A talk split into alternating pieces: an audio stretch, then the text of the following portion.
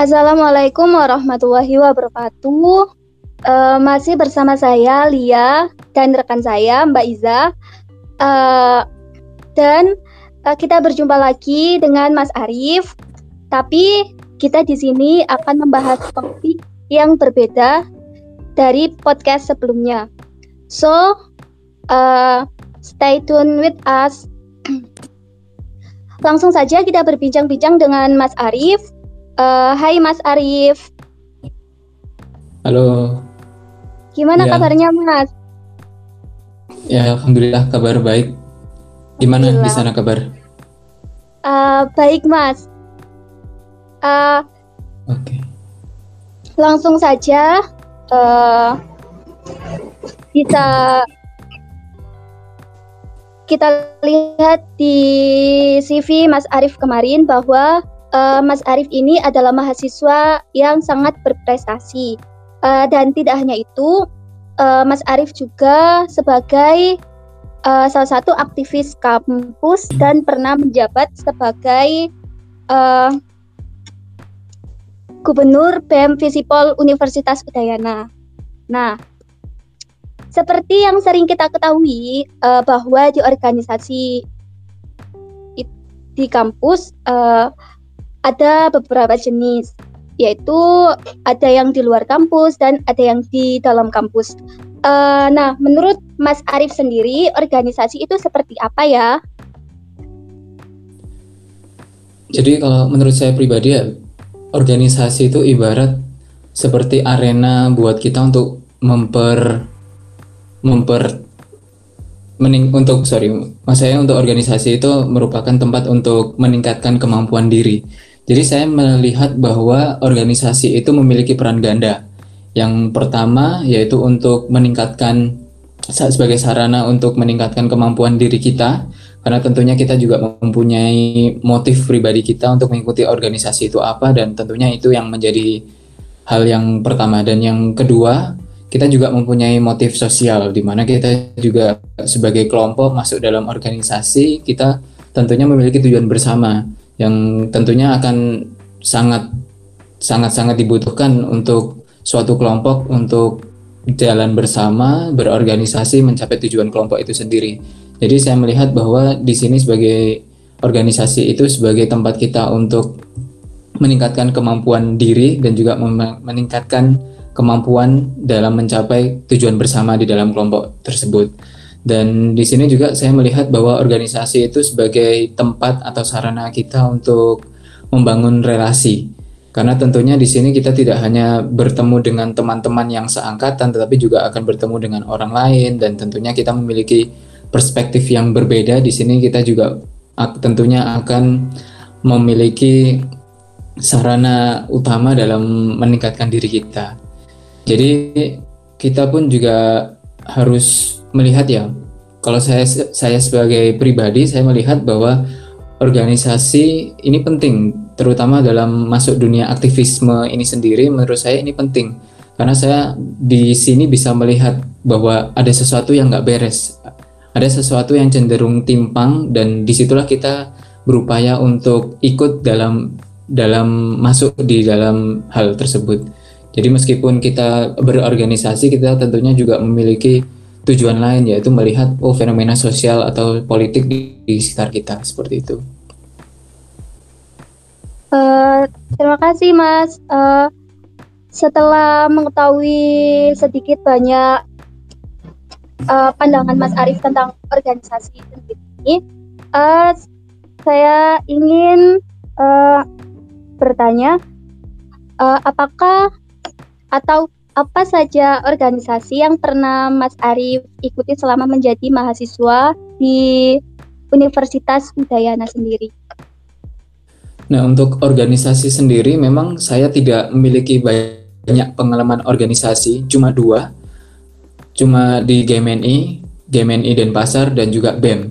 Tetapi untuk masa kapan saya memulainya, saya harus bilang saya memulainya itu dari awal ketika mahasiswa baru jadi saya waktu itu ikut Gamen itu dari tahun 2012 hingga tahun 2014 sebagai dari anggota sampai menjadi komisaris dan di situ jabatan struktural di situ saya cukup sampai 2012 sampai 2014 karena di tahun tersebut saya juga mengikuti BEM anggota muda dari tahun 2012 sampai saya lulus 2016. Jadi saya ketika ikut organisasi itu saya merasa beruntung karena saya bertemu dengan senior. Kalau saya harus bilang ya senior dan juga sebagai mentor saya saya diberitahu bahwa saya pun diwanti-wanti. Lebih tepatnya mungkin ya diwanti-wanti biar saya nggak terlalu banyak ikut organisasi cukup satu dua tetapi kita memang benar-benar fokus di dalamnya.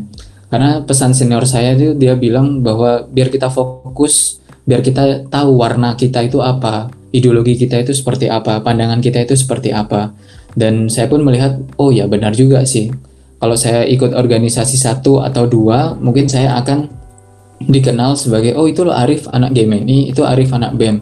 Jadi jelas saya kemudian arah gerakannya seperti apa pun saya jelas.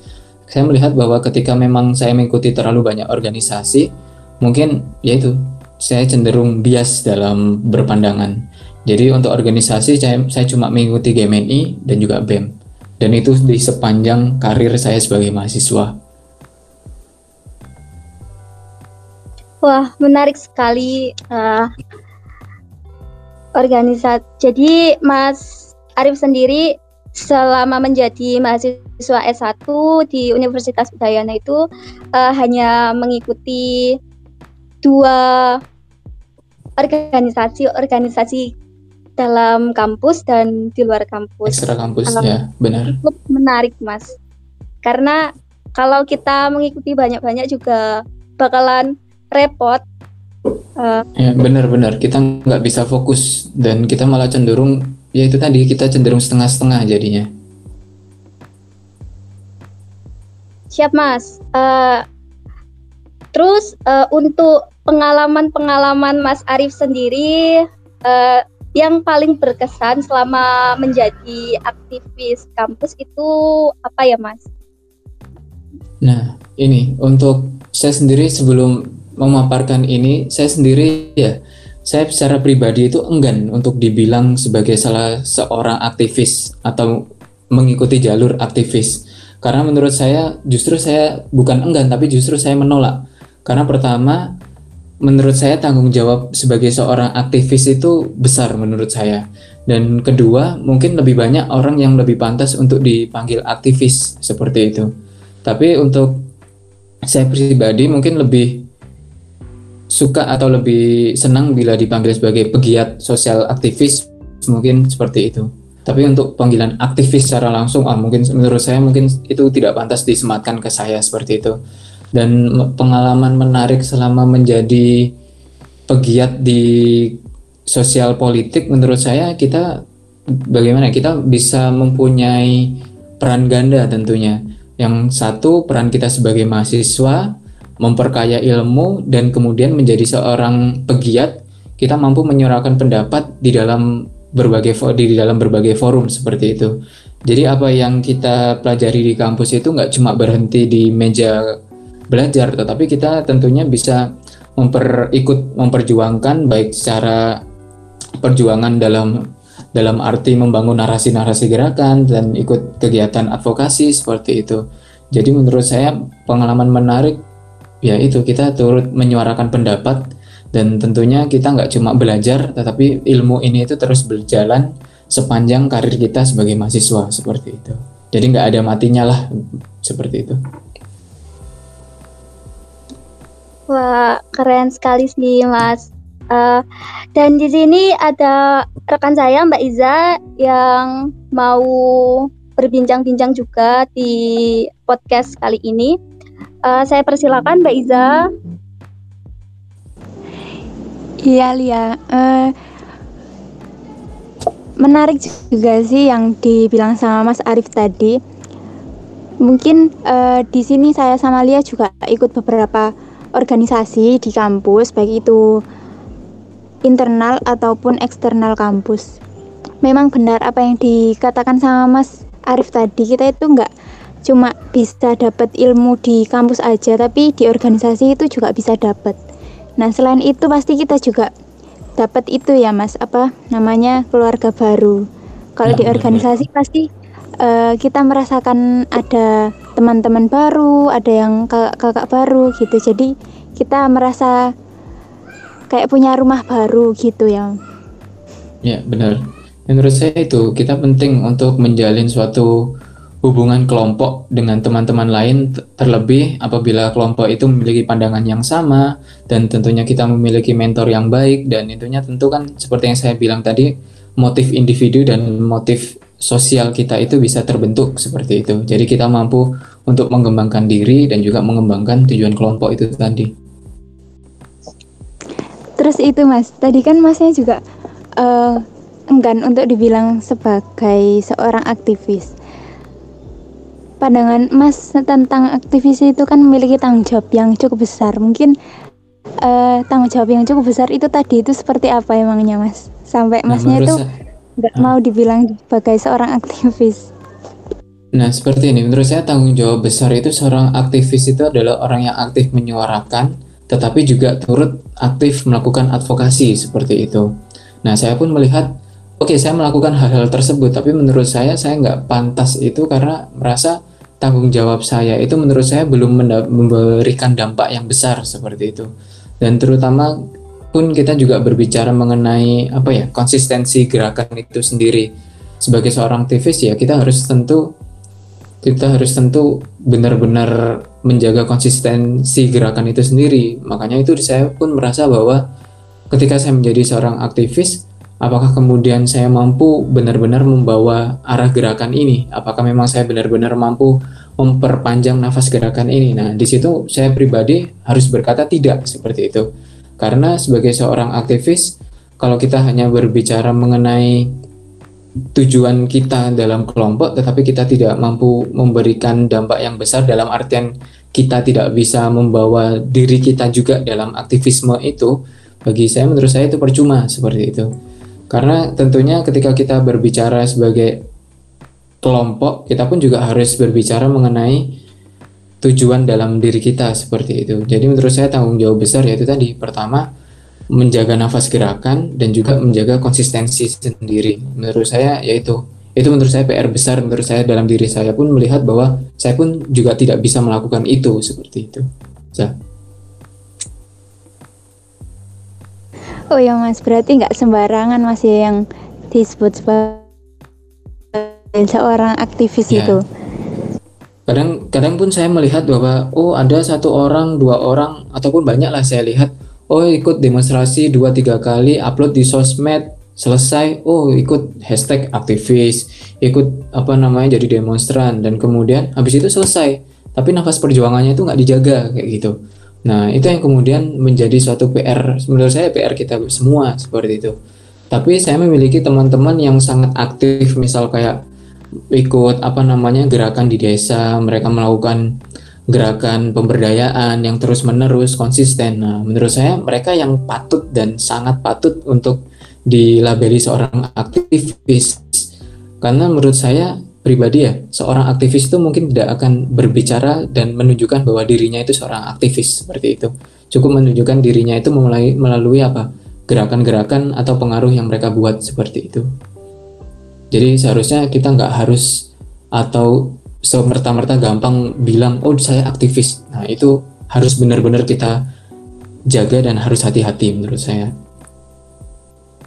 Bagaimana Mbak Iza? Apa ada yang mau ditanyakan lagi?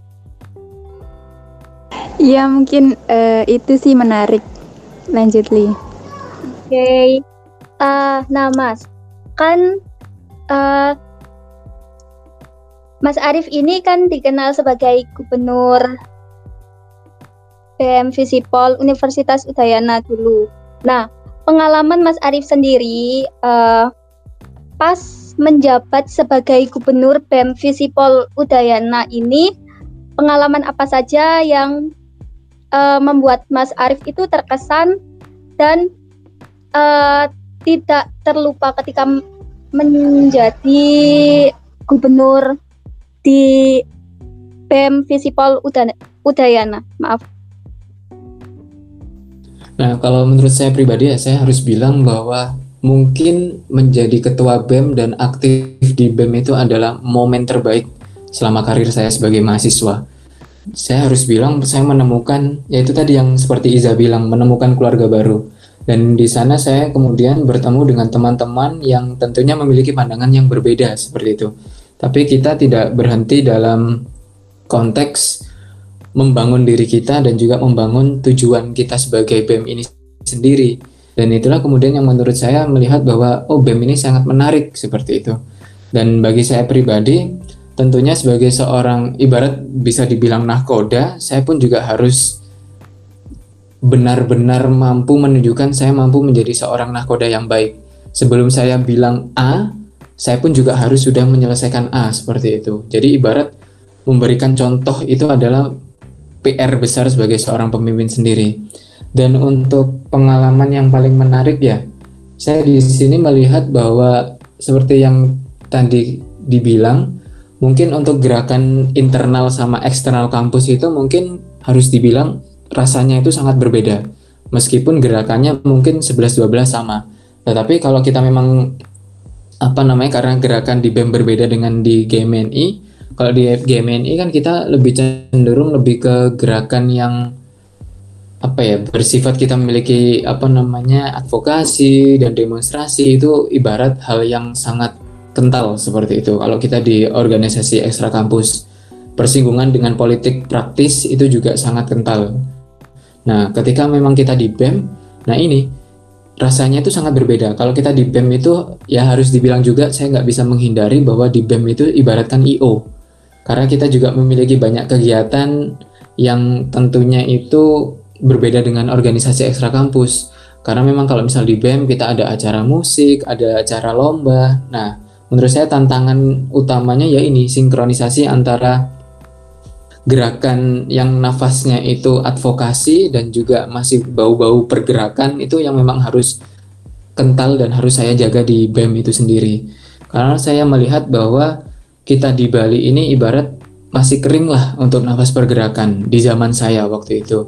Makanya kemudian misal di BEM ada acara musik pun saya selalu bilang ke anak-anak usahakan kalau memang acara musik kita nggak cuma merayakan musik tapi juga merayakan gerakan Makanya waktu itu misal ada acara musik kita waktu itu pernah mengundang Navikula. Nah kalau Navikula kan memang band yang khusus dan mereka sangat getol untuk membela dan menyuarakan isu-isu lingkungan seperti itu.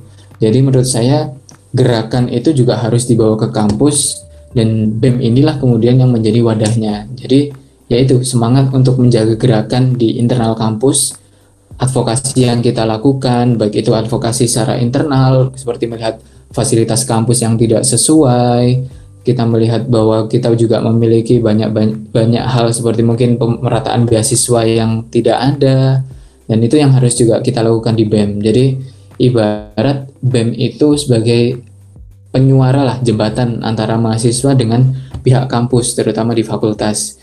Jadi saya melihat bahwa nafas gerakan ini yang kemudian menjadi pengalaman terpenting.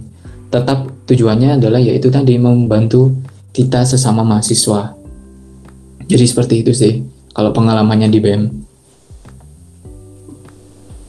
Wah banyak sekali pengalaman Mas Arif selama menjadi gubernur BEM Visipol Udaya, Udayana maaf. Uh, nah uh, di sini saya ingin bertanya Mas uh, pendapat uh, Mas Arif sendiri tentang mahasiswa atau pemuda uh, yang dibenturkan antara prestasi uh, dengan sikap kritis terhadap pemerintah. Uh, nah, karena tidak jarang juga narasi narasi nyinyir tentang uh, kritisme yang justru di counter dengan narasi pemuda uh, yang mana lebih baik hanya belajar dan berprestasi uh, dan tidak usah mengurusi pemerintah atau politik. Nah, menurut menurut Mas Arief sendiri seperti apa? Kalau saya benar-benar menolak ide-ide seperti itu. Kayak kamu harus belajar biar pintar, IPK bagus, biar nanti IPK tinggi, gampang diterima kerja atau dapat S2. Nah, saya menolak hal-hal seperti itu. Karena tentunya kan kita berbicara mengenai politik nasional kita pun juga mau berbicara mengenai gerakan mahasiswa kan? Dan di situ pun saya juga melihat bahwa bentuk-bentuk represivitas yang halus kita harus bilang ya represivitas represivitas yang halus kita mungkin terkadang nggak sadar kita oh sibuk lomba ikut ini itu. Oke itu sangat bagus. Tetapi kalau kita terutama anak sospol mungkin juga harusnya tentunya dengan fakultas lain untuk tetap menjaga kekritisan kita itu sangat penting karena apa? Karena kita melihat bahwa apa yang harus kita lakukan adalah ya memupuk pemikiran kritis ini dari kampus seperti itu. Karena tantangannya ketika nanti kita lulus, kita akan mendapatkan jenjang atau fase yang berbeda. Jadi saya melihat bahwa pola-pola itu adalah pola-pola bagaimana untuk meredam gerakan mahasiswa secara halus. Dan tentunya mungkin kita tidak sadar bahwa kita itu sebenarnya direpresi kalaupun kita merujuk pada salah satu pemikir uh, sosiologi Jerman, kita melihat bahwa ada yang namanya istilah one dimensional society. Jadi kita dijadikan manusia yang pemikirannya itu hanya satu dimensi. Mungkin dalam konteks ini mungkin pemikirannya cuma prestasi, prestasi, prestasi dan daya kritis kita itu yaitu dibikin tumpul. Karena kita cenderung berpikir pada satu hal, tetapi kita tidak melihat bahwa ada hal yang perlu kita lihat, perlu kita kritisi seperti itu. Makanya seperti yang tadi saya bilang, organisasi itu menunjukkan atau memberikan pandangan bahwa ada sesuatu yang tidak beres atau yang cenderung timpang. Dari situlah kemudian kita berangkat untuk bergerak seperti itu. Jadi itu menurut saya. Wah, sangat uh, sih uh, penjelasan dari Mas Arief kali ini. Nah, Mas, uh, tadi kan sudah di sampean sampaikan untuk kesulitan untuk uh, selama uh, menjadi yang bisa dibilang menjadi aktivis kampus. Uh, nah, uh, menurut Mas Arief sendiri, uh, apa sih uh, feedback yang bisa yang kita terima uh, selama kita menjadi bisa dibilang uh, penggerak penggerak masyarakat itu seperti apa ya mas? Maksudnya uh,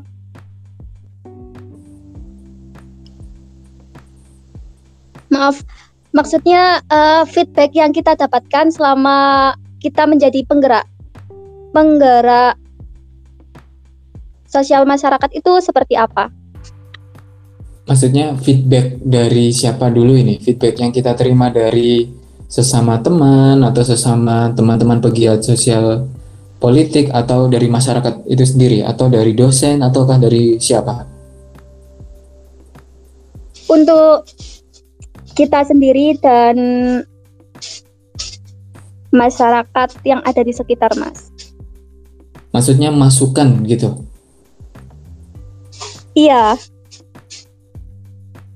Kalau menurut saya ya untuk kita, maksudnya untuk teman-teman yang memang aktif di dunia pergerakan, mungkin satu hal menurut saya, kita harus menjaga yang namanya eksistensi, tetapi kita juga harus tidak melupakan esensi sendiri. Jadi kalau kita apa namanya berbicara mengenai hal tersebut, berbicara mengenai pergerakan, oke, okay, eksistensi itu sangat penting, tetapi pertama yang paling utama yaitu esensi. Jadi suatu gerakan kalau esensinya tidak tercapai atau tidak dapat di dituju secara pasti, nah ini tidak mungkin kita berbicara mengenai eksistensi. Terutama untuk teman-teman yang gerakan mahasiswa sekarang, khususnya Ormek, organisasi ekstra kampus, kita melihat bahwa ada gejala bahwa sekarang itu ormek itu cenderung ditinggalkan seperti itu. Mungkin beberapa mungkin masih ramai, mungkin beberapa sepi. Tapi di sini kita melihat bahwa kemudian gerakan mahasiswa itu juga perlu diperbaharui seperti itu. Jadi kita sebagai sebagai orang yang aktif di dunia pergerakan, tentunya kita juga harus terus update, kita juga harus mengetahui cara-cara baru untuk mencari mencari anggota baru dan mencari tempat untuk kita berjuang. Nah, itu tentunya yang harus di jelaskan terlebih dahulu. Kita harus membentuk patternnya, pattern atau roadmap pergerakan dulu dan itu yang penting. Jadi kalau kita cenderung berbicara mengenai oke okay, gerakan agar cuma sosmed rame, terus kemudian kita dapat followers banyak dan kemudian banyak yang akses kita di media sosial atau di media lainnya.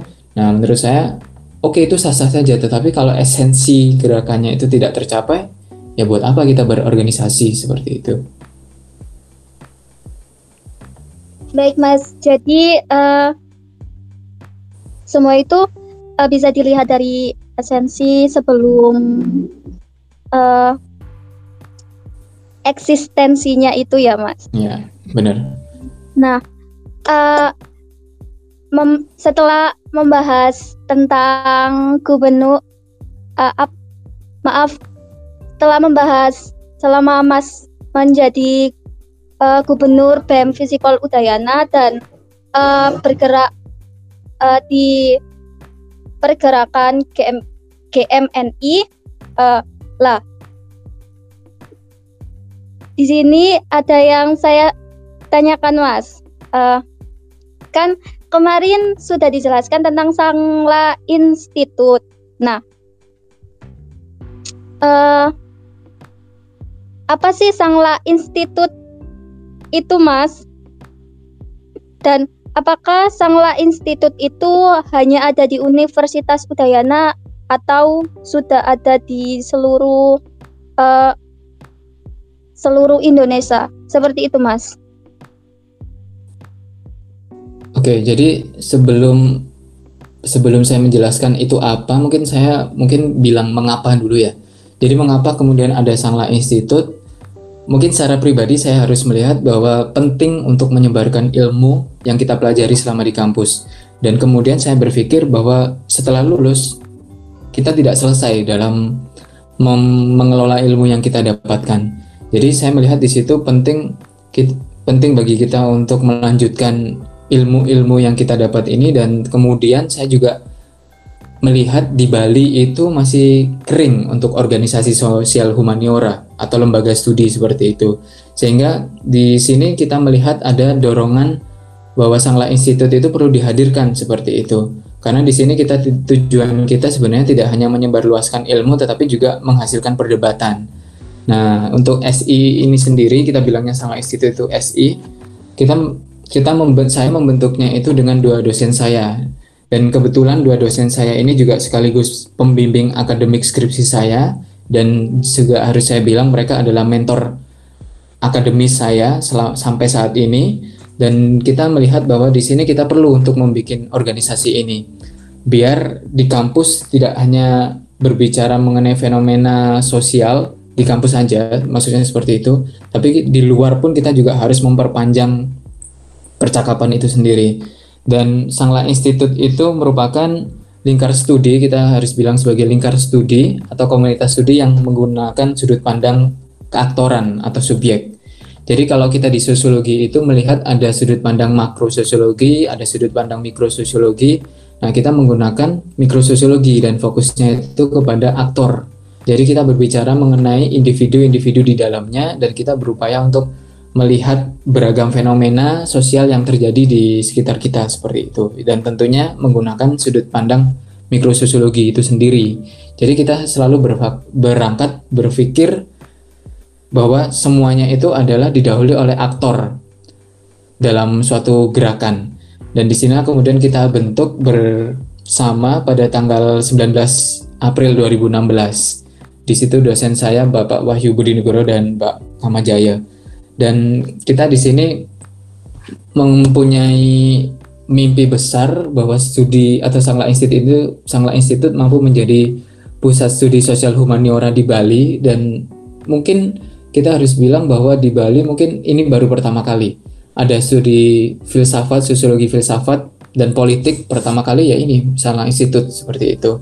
Karena kita melihat Sangla Institute ini memang perlu dibesarkan dan untuk saat ini mungkin memang hanya ada di Bali seperti itu. Dan kita tidak berada di dalam ruang lingkup universitas tetapi secara general seperti itu. Dan kita di sini juga memiliki tujuan ke depan yaitu untuk giat melakukan advokasi dan juga melakukan penelitian. Dan tentunya penelitian ini diharapkan mampu memberikan dampak yang besar seperti itu di masyarakat.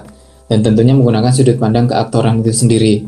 Dan cara kita saat, saat ini agar kita mampu menyebarluaskan ilmu dan menghasilkan perdebatan kita aktif dengan melakukan melakukan penyebar luasan ilmu pengetahuan di website kita terus kemudian di Instagram, di channel YouTube kita, dan mungkin teman-teman bisa mengaksesnya di channel YouTube kami untuk memperoleh kuliah-kuliah online. Karena memang di sana kita sering melakukan diskusi ataupun pemaparan mengenai teori-teori untuk yang khususnya untuk sosial humaniora seperti itu.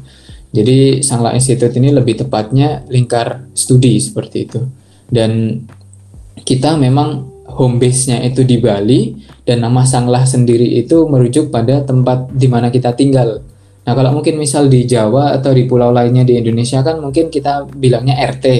Nah, kalau Sanglah ini lebih disebut sebagai Banjar. Banjar Sanglah dan kita tinggal di Sanglah makanya kita bikin ya udah kita bikin aja Sanglah Institute biar kita dikenal ya orang-orang yang tinggal di daerah Sanglah seperti itu. Jadi itu sih mengapa dan apa Sanglah Institute. Wah, sangat menarik sekali uh, filosofi dari Sangla Institute itu sendiri. Uh, Mas, dan uh, untuk uh, untuk menutup perbincangan kali ini, uh, apakah ada saran dari Mas Arif sendiri uh, untuk ke untuk kita kaum milenial uh, ke depannya kira-kira uh, un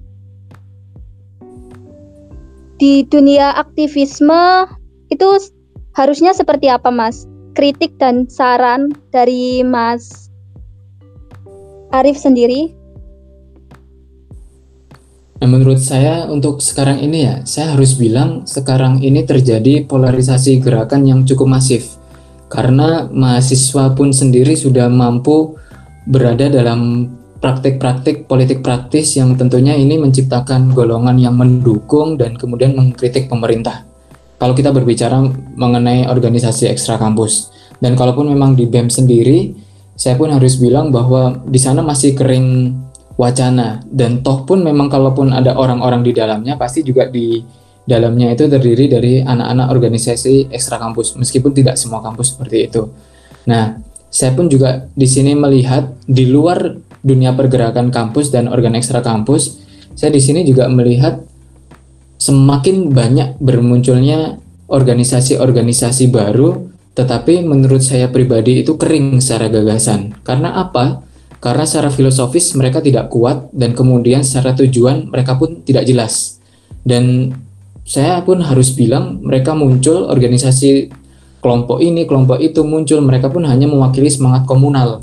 Tetapi mereka tidak berbicara mengenai satu tujuan utama gerakan mereka itu sendiri itu apa. Dan itulah kemudian yang mengibatkan banyaknya banyaknya organisasi ramai riuh dan menurut saya itu PR kita semua ya. Kita di sini cuma gerakan yang banyak, gerakan yang riuh dan ramai, tapi cuma cukup di fase naratif. Cuma membangun wacana ini itu, terus kemudian ramai di sosial media, tetapi dalam konteks pengaruh secara struktural harus saya bilang itu mungkin masih sangat kering seperti itu. Karena ya kita tidak bisa memungkiri di dalamnya juga ada intrik intrik intrik-intrik politik di dalam gerakan mahasiswa terutama organisasi ekstra kampus dan tentunya ini yang menjadi PR kita semua seperti itu. Dan menurut saya untuk tantangan ke depan tantangan ke depan itu mungkin pasti ada. Tetapi kita juga harus melakukan konformitas terhadap isu-isu yang terjadi saat ini. Kita melihat bahwa arus politik atau arus pemerintahan di Indonesia sekarang ini saya harus bilang ya, di sini harus saya nyatakan praktek-praktek otoritarian itu mungkin sedang muncul.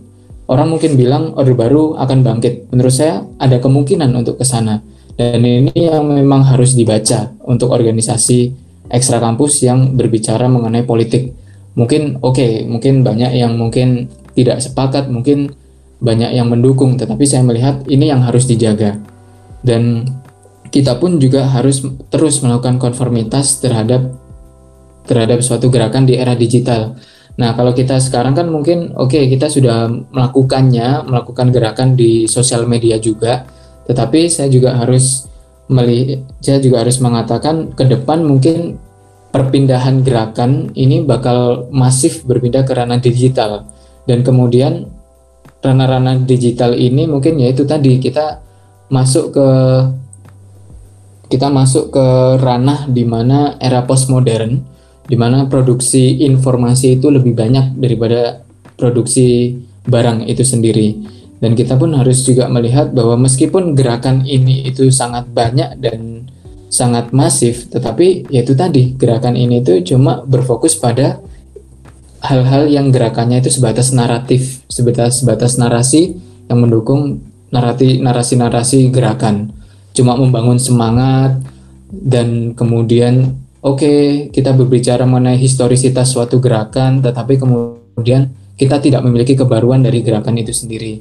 Jadi menurut saya itu penting yang pertama untuk melakukan konformitas gerakan terhadap perkembangan politik dan perkembangan teknologi informasi dan yang kedua kita juga harus melakukan sinkronisasi, sinkronisasi gerakan baik secara langsung ataupun digital biar kita pun tidak hanya berfokus pada dunia digital tapi kita lupa terhadap hal-hal seperti advokasi kemudian mendukung gerakan yang berada di lapangan seperti itu. Uh, iya mas. Uh, jadi uh, untuk kaum milenial sendiri uh, akan dihadapkan tantangan-tantangan yang ada di depan mata. Nah, untuk Mbak Iza, apakah ada yang mau disampaikan kepada Mas Arief itu mungkin menyinggung sedikit tentang uh, tadi ya mas yang katanya mas uh, harus tetap melakukan uh, pergerakan organisasi itu sesuai esensinya karena uh, kita lihat sendiri kayak organisasi utamanya di eksternal. Kebanyakan teman-teman itu kayak apa sih organisasi eksternal ini? Merasa nggak dipentingkan gitu mas. Terus kayak mereka itu lebih uh, mementingkan akademiknya daripada organisasinya gitu. Teman-teman itu banyak yang belum tahu ikut organisasi itu nanti manfaatnya apa terus organisasi itu nanti dampaknya untuk ke depannya apa terus caranya kita untuk menyampaikan pesan-pesan itu kalau organisasi itu sangat penting untuk mereka itu gimana mas Nah, untuk menyampaikannya seperti apa ya? Mungkin ini saya merujuk pada pengalaman saya secara pribadi ya. Saya ikut aktif di BEM, ikut organisasi ekstra kampus dan kemudian tidak melupakan tidak melupakan tidak melupakan akademik saya. Itu merupakan suatu hal yang menjadi tujuan utama saya berorganisasi dan bagus di dunia kampus. Saya ingin mematahkan stigma bahwa orang-orang yang di organisasi, yang aktif di organisasi, itu adalah orang-orang yang lulusnya lama, nilainya buruk, dan mungkin bakal setelah lulus kerjanya gak dapat apa seperti itu. Saya ingin mematahkan stigma itu. Makanya kemudian ketika saya di BEM dengan teman-teman, kita ingin menunjukkan bahwa kita bisa lulus cepat, nilai yang bagus, organisasi jalan. Dan syukur kita bisa menunjukkan itu. Nah, menurut saya yang paling tepat adalah itu.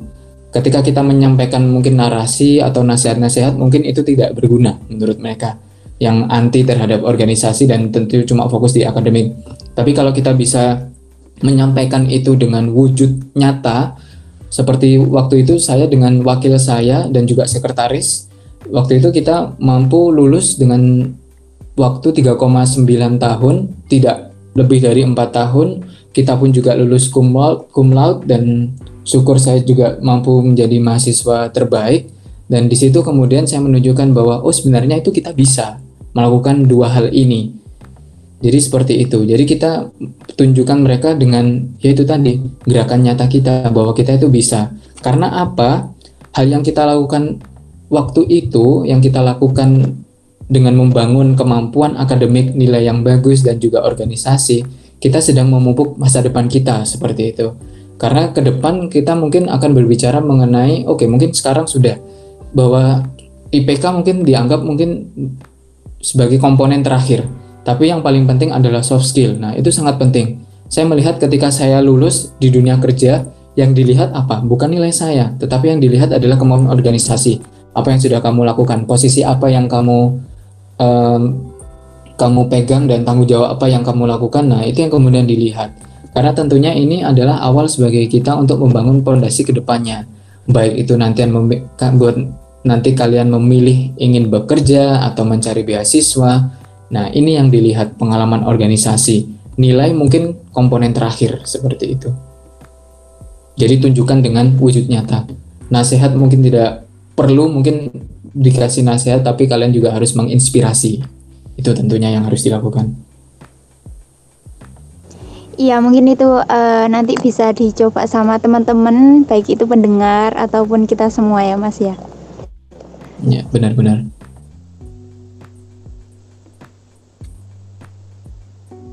Sudah lihat. Uh, iya mbak.